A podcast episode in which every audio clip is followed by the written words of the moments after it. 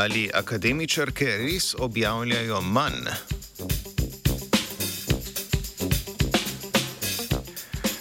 V današnjem znanstvenem Britofu povzemamo ugotovitve norveške raziskovalne skupine o razlikah med spolih pri raziskovalni produktivnosti in uspešnosti, ki jih merijo bibliometrični kazalniki. Znanstvena članka sta bila objavljena v revijah Gender and Education in Higher Education.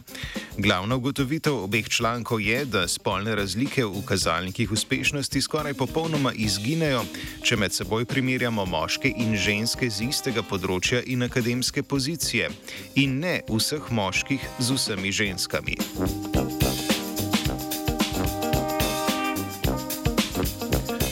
V zadnjih desetletjih smo priča spremembi v pristopu upravljanja javnega sektorja, ki naj bi iz upeljavo modelov upravljanja iz poslovnega okolja izboljšal učinkovitost javnega sektorja. Ker je del javnega sektorja tudi akademski prostor, se tudi v slednjem pojavljajo pritiski, da je treba raziskovalno uspešnost nekako ovrednotiti. Vendar je znanstveno uspešnost težko že opredeliti, še teže pa in kvantitativno izmeriti, saj obstajajo velike razlike med različnimi področji.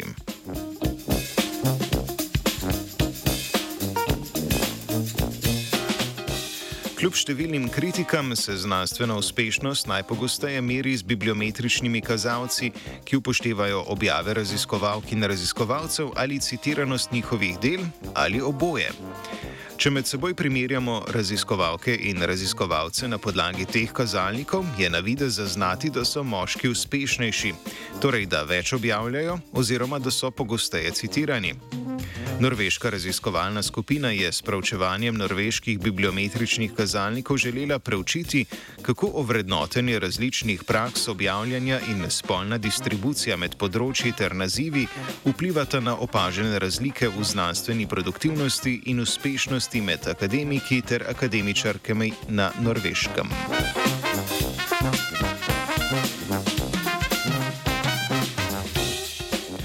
Tako kot v večini držav, tudi na norveškem moški prevladujejo na področjih naravoslovja, tehnologije, inženirstva in matematike, ženske pa v družboslovju, humanistiki in vedah o zdravju.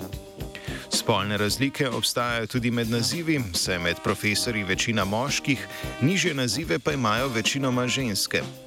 Na področju naravoslovja in tehnologije prevladuje objavljanje znanstvenih člankov z več soavtoricami in soavtori, medtem ko akademičarke in akademiki z drugih področji objavijo manj znanstvenih člankov, saj pogosteje objavijo knjige in knjižna poglavja z le enim avtorjem oziroma avtorico ter v lokalnem jeziku.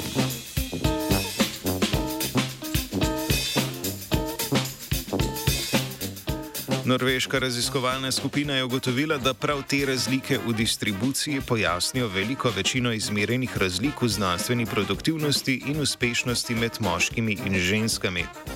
Bibliometrični kazalniki namreč ponavadi bolje vrednotijo znanstvene članke kot pa knjige ali knjižna poglavja, ne glede na področje pa imajo osebe z višjimi akademskimi nazivi večje število objav in citatov.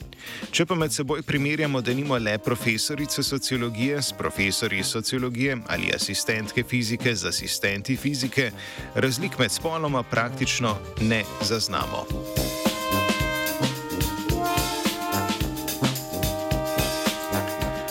Ugotovitve norveške raziskovalne skupine kažejo, da torej težava ni, da bi ženske v splošnem manj objavljale od moških, ampak da so problematični načini za vrednotenje znanstvene uspešnosti, ki neustrezno integrirajo razlike v praksah objavljanja na različnih področjih.